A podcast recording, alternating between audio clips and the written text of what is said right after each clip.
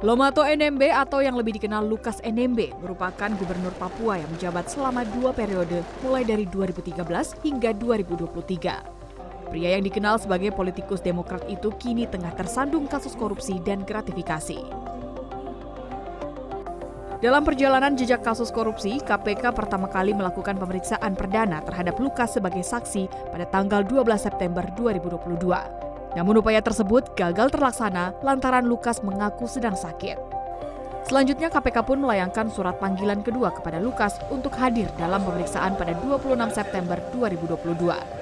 Namun dalam prosesnya upaya tersebut kembali terhenti karena simpatisan Lukas melakukan perlawanan. Karena kerap mangkir, Ketua KPK Firly Bahuri beserta tim dokter KPK terbang ke Papua pada 3 November 2022 untuk melihat langsung kondisi kesehatan Lukas di kediamannya. Kala itu pemeriksaan kondisi Lukas pun nampak sehat. Dalam kondisi Lukas yang kian memburuk, tim kuasa hukum Lukas meminta KPK agar diizinkan berobat ke Singapura. Karena selama ini Lukas dirawat dan dipantau kesehatannya oleh tim dokter Rumah Sakit Mount Elizabeth Singapura. Sementara itu KPK sebelumnya telah meminta Ditjen Imigrasi Kemenkumham untuk mencegah NMB bepergian ke luar negeri. Terhitung sejak 7 September 2022 hingga 7 Maret 2023.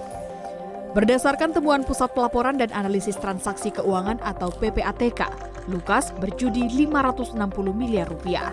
Serta terdapat pendalaman dari Organisasi Masyarakat Anti Korupsi Indonesia atau MAKI terkait penyewaan pesawat pribadi oleh Lukas dan keluarganya sepanjang Desember 2021 hingga Agustus 2022.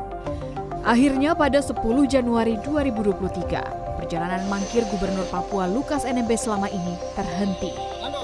Jajaran KPK menangkap Lukas ketika ia tengah berada di salah satu rumah makan di Abepura, Papua. Kini KPK menetapkan Lukas sebagai tersangka bersama dengan Direktur PT Tabi Bangun Papua atau TBP, Rijatono Laka. Lukas disangkakan melanggar pasal 12 huruf A atau B atau pasal 11 dan pasal 12B Undang-Undang Tipikor.